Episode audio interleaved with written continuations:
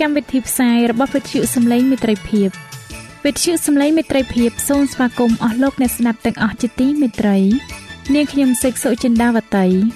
ហើយខ្ញុំបាទអង្គច័ន្ទវិជ្ជៈក៏សូមស្វាគមន៍លោកអ្នកស្ដាប់ទាំងអស់ផងដែរនៅពេលនេះយើងខ្ញុំមានសេចក្តីសុំមនស្សរីករាយដោយបានវិលមកជួបអស់លោកអ្នកនាងកញ្ញាអ្នកស្ដាប់សាជាថ្មីម្ដងទៀត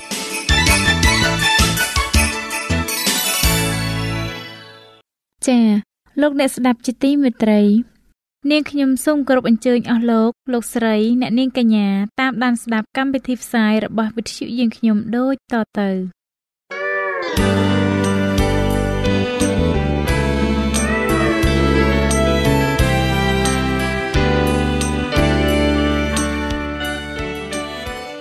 ព្រះបន្ទូលសម្រាប់អ្នកនៅថ្ងៃនេះ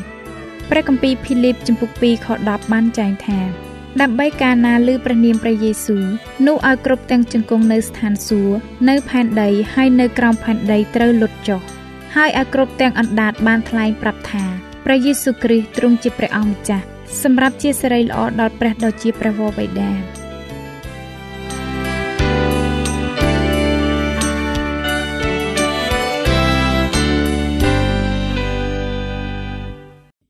បាទ ជាថ្មីម្ដងទៀតខ្ញុំបាទសូមគោរពនិងជម្រាបសួរដល់អស់លោកអ្នកទាំងអស់គ្នាមកកាន់នីតិសភាស្គាល់ប្រចាំសប្ដាហ៍មេរៀនរបស់យើងនៅសប្ដាហ៍នេះមានចំណងជើងថានគរដែលមិនអាចបំផ្លាញបានប្រសិនបើលោកអ្នកចង់បានមេរៀននេះប្រើនៅលើទូរស័ព្ទដៃ Android របស់លោកអ្នកលោកអ្នកអាចទាញយកបានតាមរយៈ Play Store ដោយវាយពាក្យថាខ្មែរសភាស្គាល់មេរៀនសប្តាហ៍នេះយើងនឹងក្រឡេកមើលនៅចំណុចនិងសំណួរមួយចំនួនដូចតទៅ រាជរបស់ព្រះនឹងជំនុំជម្រះមនុស្សអាក្រក់តើសេចក្តីពិតនេះបានបង្ហាញប្រាប់យើងយ៉ាងដូចម្តេចអំពីព្រះនិងភាពស្មោះត្រង់ដែលទ្រង់មានជាមួយនឹងយើងនោះតើកិច្ចការនេះបង្ហាញយើងយ៉ាងដូចម្តេចអំពីភាពសប្បុរសនិងភាពយុត្តិធម៌ដែលព្រះមានចំពោះមនុស្សដែលបានបដិសេធសេចក្តីមេត្តារបស់ទ្រង់អស់លោកអ្នកទាំងអស់គ្នាជាទីមេត្រី សប្តាហ៍នេះយើងនឹងសិក្សាអំពីព្រះគម្ពីរហេព្រើរជំពូក12ខ18ដល់ខ29ខទាំងនេះគឺជាខសំខាន់ដែលគួរឲ្យរំភើបជាងគេនៅក្នុងព្រះគម្ពីរហេព្រើរទាំងមូលយើងនឹងរៀនអំពីគោលគំនិតជាច្រើនចេញពីខព្រះគម្ពីរហេព្រើរនៅក្នុងជំពូក12នេះខទាំងនេះបានបង្ហាញយើងអំពីគោលគំនិតដែលលោកប៉ុលបានចាប់ផ្ដើមសម្បត្តិរបស់គាត់ដោយពាក្យថា ព្រះបានមានទំនាក់ទំនងជាមួយនឹងយើងតាមរយៈព្រះរាជបុត្រារបស់ទ្រង់ដូច្នេះយើងត្រូវតែផ្ដោតអារម្មណ៍ទៅឯព្រះយេស៊ូវនៅក្នុងព្រះគម្ពីរហេព្រើរជំពូក12ខ22ដល់ខ24លោកប៉ុលបានផ្ដល់ការយល់ឃើញមួយនៃគោលគំនិតដ៏សំខាន់ជាងគេរបស់គាត់អំពីព្រះយេស៊ូវយ៉ាងដូចនេះថា ទី1ព្រះយេស៊ូវគឺជាអ្នកដែលបាននាំយកសេចក្តីសញ្ញាថ្មីពីព្រះមកដល់រាជរបស់ទ្រង់ទី2 លោហិតរបស់ព្រះយេស៊ូវបានសង្គ្រោះយើង ទី3ពួកទេវតានៅស្ថានសួគ៌បានអបអរសាទរពីព្រោះព្រះយេស៊ូវគឺជាសម្ដេចសង្ឃរបស់យើងព្រះយេស៊ូវក៏ជាស្ដេចរបស់យើងផងដែរហើយនៅចុងបញ្ចប់នៃព្រះគម្ពីរហេព្រើរជំពូក12ខ25ដល់ខ29បានបង្ហាញប្រាប់យើងថាពេលវេលាសម្រាប់ព្រះក្នុងការជំនុំជម្រះផែនដីនេះកាន់តែជិតដល់ហើយ នៅពេលនោះ ព្រះនឹងបំផ្លាញពួកខ្មាំងសត្រូវរបស់ទ្រង់ប៉ុន្តែព្រះនឹងផ្ដល់ព្រះគុណនិងនគរមួយដល់រាជរបស់ទ្រង់វិញព្រះគម្ពីរហេព្រើរជំពូក12ខ28ដល់ខ29អស់លោកអ្នកទាំងអស់គ្នាជាទីមេត្រី លោកប៉ុលចង់ឲ្យអ្នកអានរបស់គាត់នឹកចាំថាព្រះបានប្រទាននគរមួយដល់ព្រះយេស៊ូវក្នុងព្រះគម្ពីរដានីញែលជំពូក7ខ9ដល់ខ14 លោកប៉ុលបានប្រើរូបស័ព្ទមួយចេញពីបទគម្ពីរដានីយ៉ែលជំពូក7ដើម្បីជួយឲ្យអ្នកអានរបស់គាត់យល់អំពីគោលគំនិតនេះព្រះយេស៊ូវទ្រង់នឹងប្រទាននគររបស់ទ្រង់ដល់ពួកសិស្សរបស់ទ្រង់នគរនេះ នៅអស់កលជានិច្ចជាអង្វែងតរៀងទៅដានីយ៉ែលជំពូក7ខ18អស់លោកអ្នកទាំងអស់គ្នាជាទីមេត្រីលោកប៉ុលបានមានប្រសាសន៍ថា ពួកយើងបានមកដល់ភ្នំស៊ីយ៉ូនហើយ ទេវតាសល់សែននេះកំពុងតែនៅទីនោះ យើងបានមកឯភ្នំស៊ីយ៉ូនដើម្បីអបអរសាទរជាមួយនឹងពួកទេវតា អ្នករាល់គ្នាបានមកដល់ភ្នំស៊ីយ៉ូនវិញ ជាទីក្រុងនៃព្រះដ៏មានព្រះជន្មរស់គឺទីក្រុងយេរូសាឡឹមនៃស្ថានសួគ៌ហើយដល់ពួកទេវតាទាំងសល់សែនព្រះគម្ពីរហេព្រើរជំពូក12ខ22យើងបានមកដល់ភ្នំស៊ីយ៉ូនតាមរយៈសេចក្តីជំនឿទៅលើព្រះយេស៊ូវ ដែលបានចូលទៅឯព្រះជំនួសយើង យើងនឹងចូលរួមជាមួយនឹងព្រះ និងពពួកទេវតានៅក្នុងពិធីអបអរសាទរនេះនៅឯស្ថានសួគ៌មានពួកទេវតាជាច្រើនអ្នកយើងមិនអាចរាប់ពួកគេទាំងអស់បានឡើយព្រះយេស៊ូវគឺជាហេតុផលសម្រាប់ពិធីអបអរសាទរនេះ លោកប៉ុលបានមានប្រសាសន៍ថាយើងបានមកដល់ទីប្រជុំរបស់មនុស្សទាំងឡាយ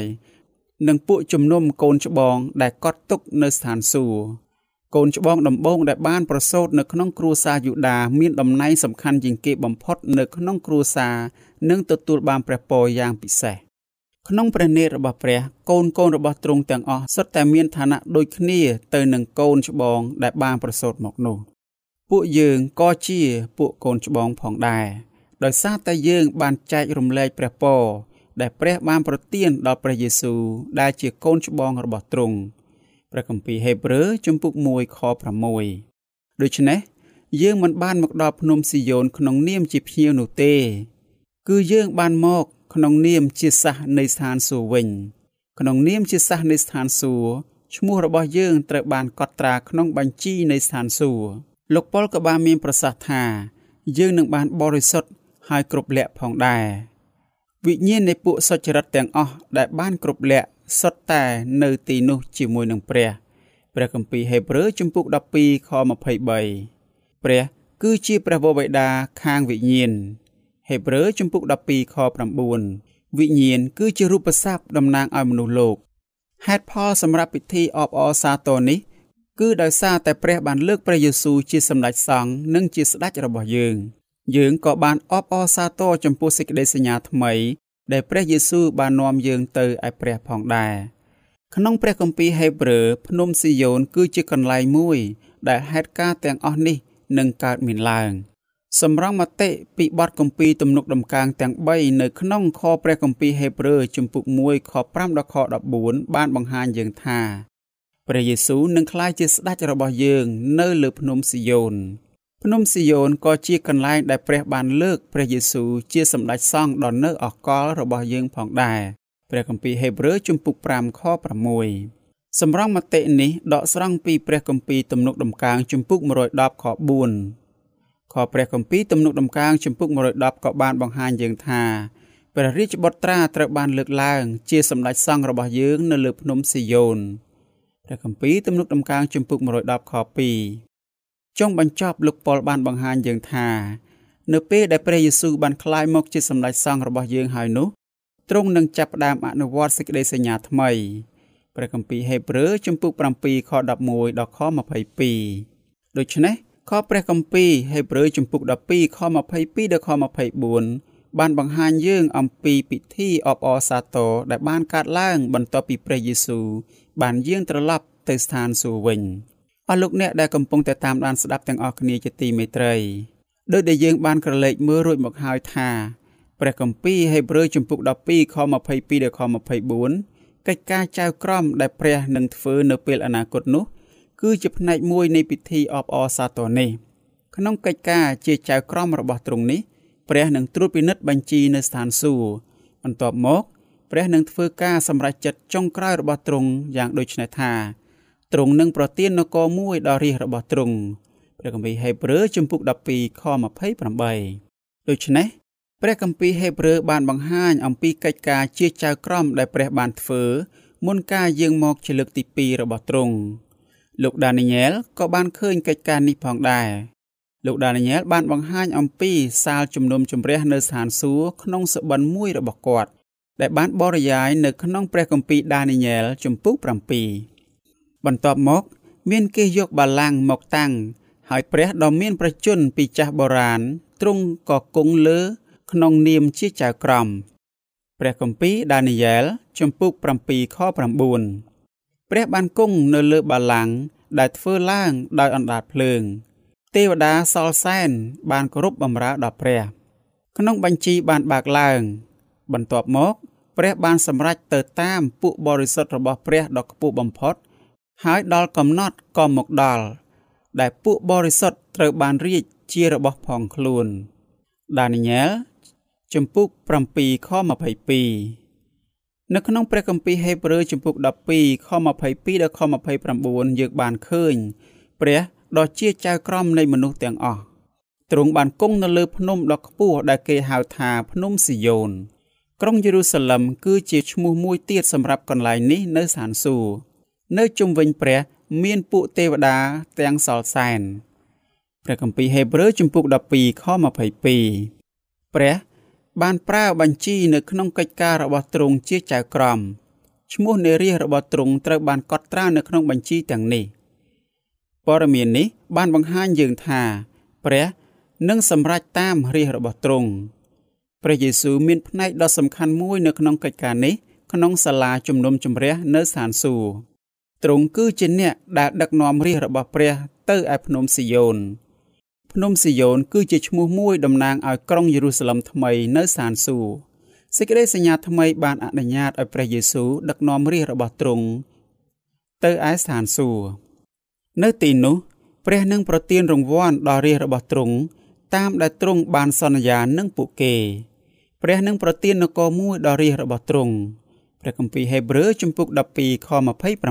28តាមរយៈព្រះគម្ពីរហេព្រើរជំពូក12ខ23បានបង្ហាញយើងថាកិច្ចការដែលព្រះបានធ្វើក្នុងនាមជាចៅក្រមរបស់យើង នោះគឺជាដំណឹងដ៏ល្អបំផុតព្រះនឹងសម្រេចតាមរាជរបស់ទ្រង់ទ្រង់នឹងបង្ហាញថារាជរបស់ទ្រង់គ្មានពាក់ព័ន្ធនឹងកំហុសអ្វីមួយ ដែលសាតាំងបានចោទប្រកាន់ដល់ពួកគេនោះឡើយការសម្រេចចិត្តនេះនឹងបង្ហាញថា សាតាំងនឹងចាញ់ព្រះទាំងស្រុងសាតាំងឬនាគធំ គឺជាអំណាចដ៏អាក្រក់មួយ ដែលបានគ្រប់គ្រងលើនគរអាក្រក់អាក្រក់នៅក្នុងបទគម្ពីរដានីញែលជំពូក7សត្វទាំងនេះគឺជារូបស័ព្ទតំណាងឲ្យនគរដែលបានធ្វើបាបរាជរបស់ទ្រង់កាលពីមុនព្រះគម្ពីរវិវរណៈជំពូក13បានបង្ហាញយើងអំពីរបៀបដែលសាតាំងនឹងប្រើប្រាស់មេដឹកនាំនៅលើផែនដីនេះ ដើម្បីធ្វើបាបរាជរបស់ព្រះនៅគ្រាចុងក្រោយម្ដងទៀតអស់លោកអ្នកស្ដាប់ជាទីមេត្រីលោកប៉ុលបានដាស់តឿនអ្នកអានរបស់គាត់ឲ្យយកចិត្តទុកដាក់ចំពោះអ្វីដែលព្រះបានមានបន្ទូល ពួកគេត្រូវតែប្រុងប្រយ័ត្នក្នុងការស្ដាប់បង្គាប់ព្រះ ពីព្រោះព្រះបំរុងនឹងធ្វើកិច្ចការមួយដ៏ធំ ព្រះបានប្រមានថាអញនឹងធ្វើឲ្យកក្រើកម្ដងទៀតមិនត្រឹមតែផែនដីប៉ុណ្ណោះគឺទាំងផ្ទៃមេឃថែមទៀតផង ព្រះគម្ពីរហេព្រើរជំពូក12ខ26លោកប៉ុលបានដាស់តឿនយើងឲ្យស្ដាប់បង្គាប់ពីព្រោះព្រះមិនទាន់បានប្រទានអ្វីដែលទ្រង់បានសន្យានឹងយើងនៅឡើយនោះទេមែនហើយអស់លោកអ្នកទាំងអស់គ្នា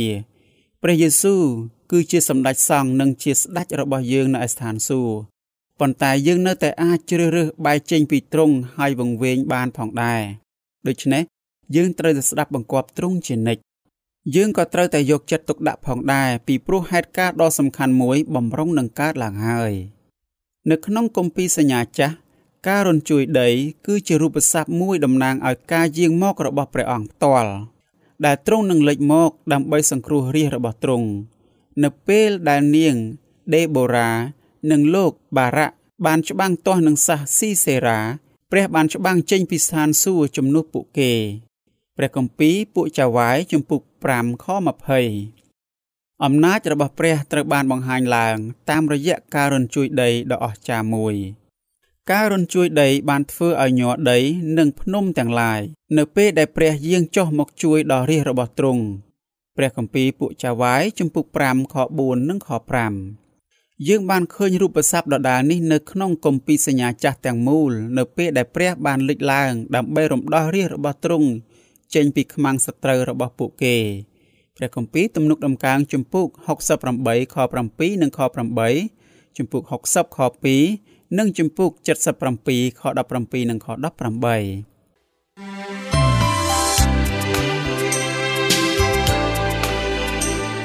សេចក្តីជំនឿកើតឡើងដោយលឺហើយដែលលឺនោះគឺដោយសារព្រះបន្ទូលនៃព្រះ តាមរយៈវិទ្យុសំឡេងមិត្តភាព AWR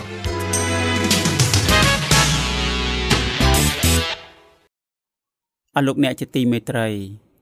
ដូច្នេះការរនជួយដី បានបង្ហាញយើងថា ពេលវេលាសម្រាប់ព្រះយាងមកជំនុំជម្រះនិងបង្ហាញការគ្រប់គ្រងរបស់ទ្រង់ចំពោះមនុស្សនៅលើផែនដីនេះបានមកដល់ហើយពួកហោរាក៏បានបង្ហាញថា ព្រះនឹងអង្រួនផែនដី នៅពេលដែលទ្រង់យាងមកដាក់ទោសមនុស្សអាក្រក់ផងដែរព្រះគម្ពីរអេសាយជំពូក13ខ13និងជំពូក24ខ18ដល់ខ23 ក្នុងកានគម្ពីរហេព្រើរការរញ្ជួយដីផ្ទៃមេឃនិងផែនដីក៏បានបង្ហាញអំពីពេលវេលាដែលព្រះនឹងបំផ្លាញរាជរបស់ពួកខ្មាំងសត្រូវក្នុងព្រះគម្ពីរហេព្រើរការរញ្ជួយដីផ្ទៃមេឃនិងផែនដីក៏បានបង្ហាញអំពីពេលវេលា ដែលព្រះនឹងបំផ្លាញសត្រូវរបស់ពួករាជរបស់ទ្រង់ផងដែរព្រះបានតាំងសេចក្តីសន្យានេះជាមួយនឹងព្រះយេស៊ូវ នៅពេលដែលទ្រង់បានគង់នៅលើបល្ល័ង្ករបស់ទ្រង់ព្រះបានមានបន្ទូលទៅកាន់ព្រះយេស៊ូវថាចូលអង្គុយខាងស្ដាំអញទាល់តែអញដាក់ពួកខ្មាំងសត្រូវឯងទុកជាកំណល់កលជើងឯងព្រះគម្ពីរហេព្រើរជំពូក1ខ13មែនហើយព្រះយេស៊ូវបានឈ្នះសាតាំងដែលជាខ្មាំងសត្រូវរបស់ទ្រង់មែននៅពេលដែលទ្រង់បានគង់នៅលើបល្ល័ង្ករបស់ទ្រង់ប៉ុន្តែអរិយ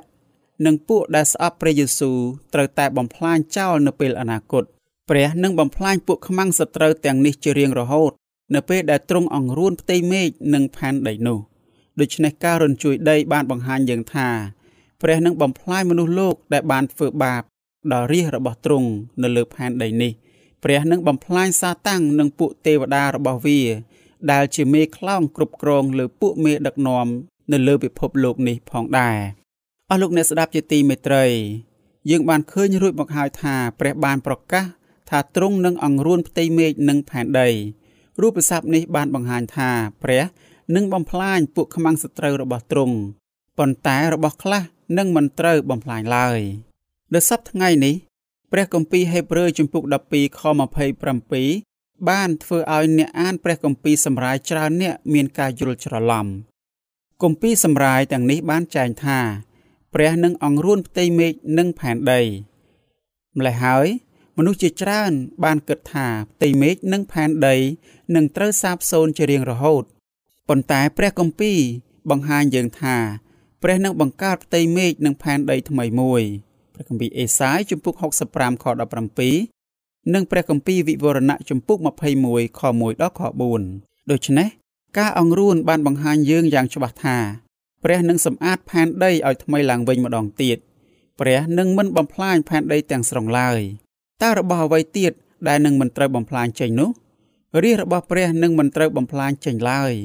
ព្រះគម្ពីរថេសាឡូនីកខ្សែទី1ជំពូក4ខ13ដល់ខ17និងព្រះគម្ពីរភីលីម៉ូនជំពូក3ខ20រាជរបស់ព្រះនឹងមិនត្រូវបំផ្លាញឡើយដោយសារតែពួកគេបានជឿទុកចិត្តលើព្រះ ព្រះអធិការបានរក្សាពួកគេឲ្យមានជីវិតរស់នៅ នៅពេលដែលពួកគេបានឃើញទ្រង់យាងមកជាលើកទី2តើលោកអ្នកបានឃើញថា នៅក្នុងព្រះគម្ពីរហេព្រើររបស់ដែលស្ថិតស្ថេរជារៀងរហូត មានទំនាក់ទំនងជាមួយនឹងព្រះយេស៊ូវដែរឬទេលោកប៉ុលបានបង្ហាញយើងអំពីទំនាក់ទំនងនេះ នៅពេលដែលលោកបានមានប្រសាសន៍ថាអោព្រះអម្ចាស់អើយកាលពីដើមទ្រង់បានបង្កឫសផែនដី ហើយផ្ទៃមេឃក៏ជាការដែលប្រហ័សទ្រង់ធ្វើដែរឯរបស់ទាំងនោះនឹងសាបសូន្យទៅ តែទ្រង់នឹងគង់នៅជាប់ដដែលរបស់ទាំងនោះនឹងចាស់ទៅ ដូចជាសម្លៀកបំពាក់ទ្រង់នឹងឈ្មោលទៅ ដូចជាអាវហើយរបស់ទាំងនោះក៏នឹងប្រែคล้ายទៅ តែទ្រង់នៅតែដដែលព្រះជន្មទ្រង់មិនចេះផុតឡើយព្រះគម្ពីរហេព្រើរជំពូក1ខ10ដល់ខ12 ព្រះគម្ពីរហេព្រើរក៏បានចែងផងដែរថាព្រះរាជបុត្រានៃព្រះក៏នៅជាសង្ឃជារៀងដរាបតទៅហេព្រើរជំពូក7ខ3និងខ24មនុស្សដែលព្រះយេស៊ូវបានសង្គ្រោះនឹងបានទទួលរបស់ប្រសើរជាងមុននៅស្ថានសួគ៌ដែលនឹងនៅជាប់លាប់ផងហេព្រើរជំពូក10ខ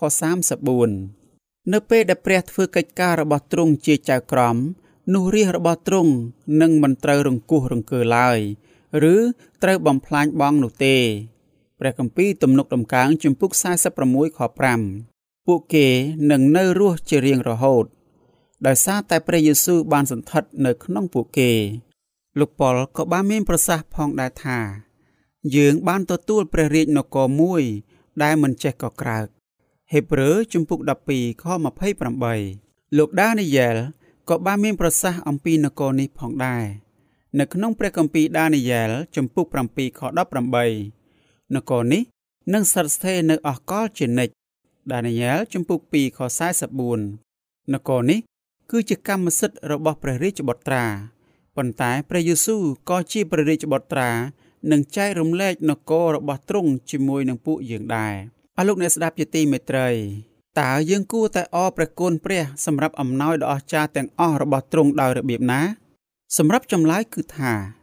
យើងគួរតែថ្វាយបង្គំព្រះតាមរបៀបមួយដែលទ្រង់សពព្រះតីពួកអ៊ីស្រាអែលបានថ្វាយយ៉ាញ់បូជាដល់ព្រះដើម្បីបង្ហាញទ្រង់អំពីការដឹងគុណឬការសូមអភ័យទោសរបស់ពួកគេសត្វទាំងនេះគ្រាន់តែជារូបស័ព្ទប៉ុណ្ណោះ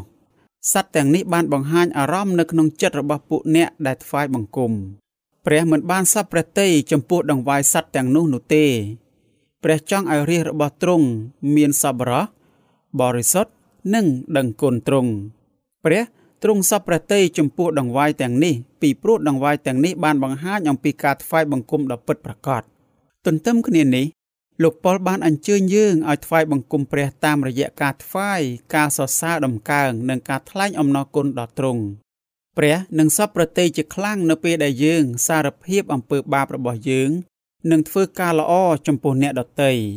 ព្រះទ្រង់ស្រឡាញ់ដង្វាយទាំងនេះជាខ្លាំងដែលជាដង្វាយរស់ជាការពិតណាស់អស់លោកអ្នកទាំងអស់គ្នា យើងមិនអាចថ្វាយដង្វាយរបស់យើងដល់ព្រះដោយផ្ទាល់បានឡើយប៉ុន្តែព្រះនៅស្ថានសួគ៌នឹងទទួលយកដង្វាយរបស់យើងនេះហើយគឺជាមូលហេតុដែលលោកប៉ុលបានលើកទឹកចិត្តយើងឲ្យគិតអំពីព្រះយេស៊ូវ តាមរយៈសម្បត្តិរបស់គាត់ទាំងមូល ពេលនោះយើងនឹងអាចបន្តធ្វើកិច្ចការល្អល្អសម្រាប់អ្នកដទៃទៀតដែលនៅជុំវិញយើងផងដែរឥឡូវនេះយើងអាចយល់បានកាន់តែច្បាស់អំពីអត្ថន័យរបស់លោកប៉ុល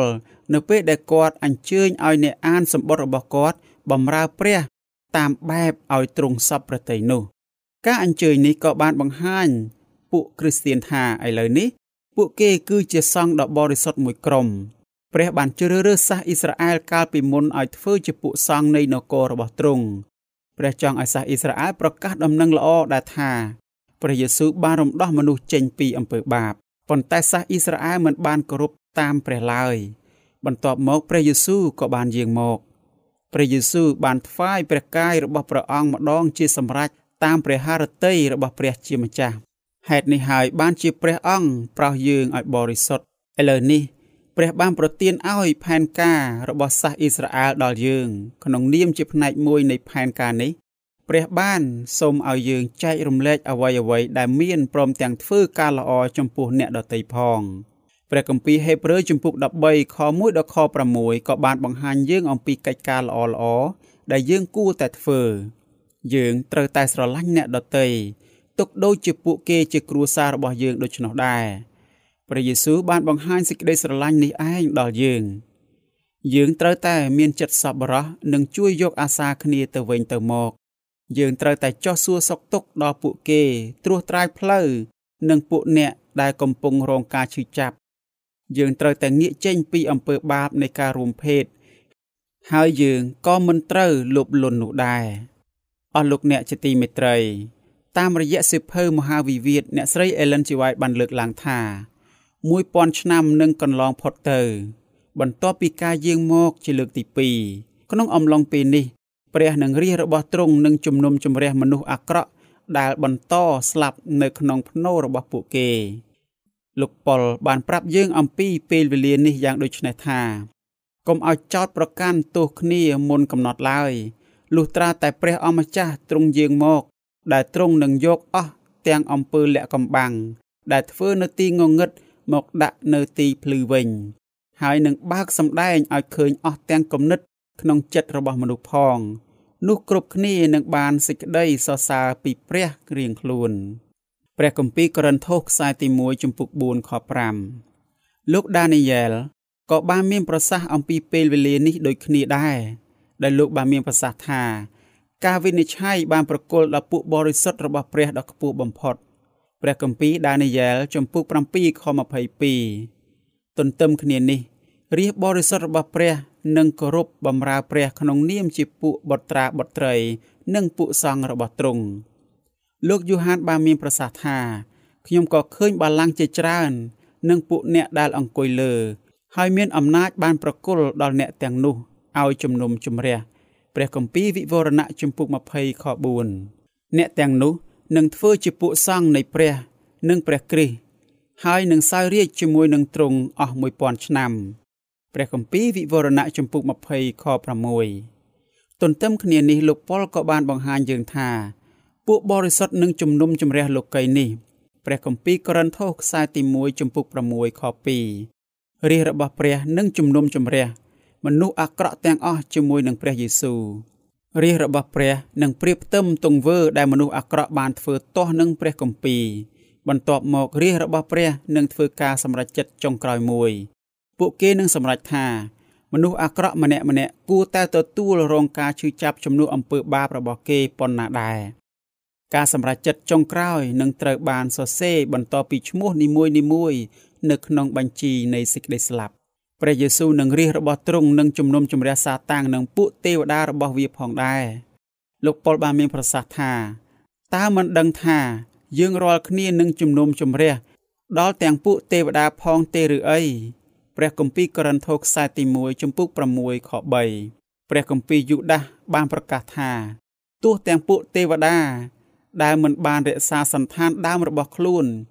គឺជាទេវតាដែលបោះបង់ចោលទីលំនៅចេញ នោះទ្រង់បានឃុំក្នុងសេចក្តីងងឹត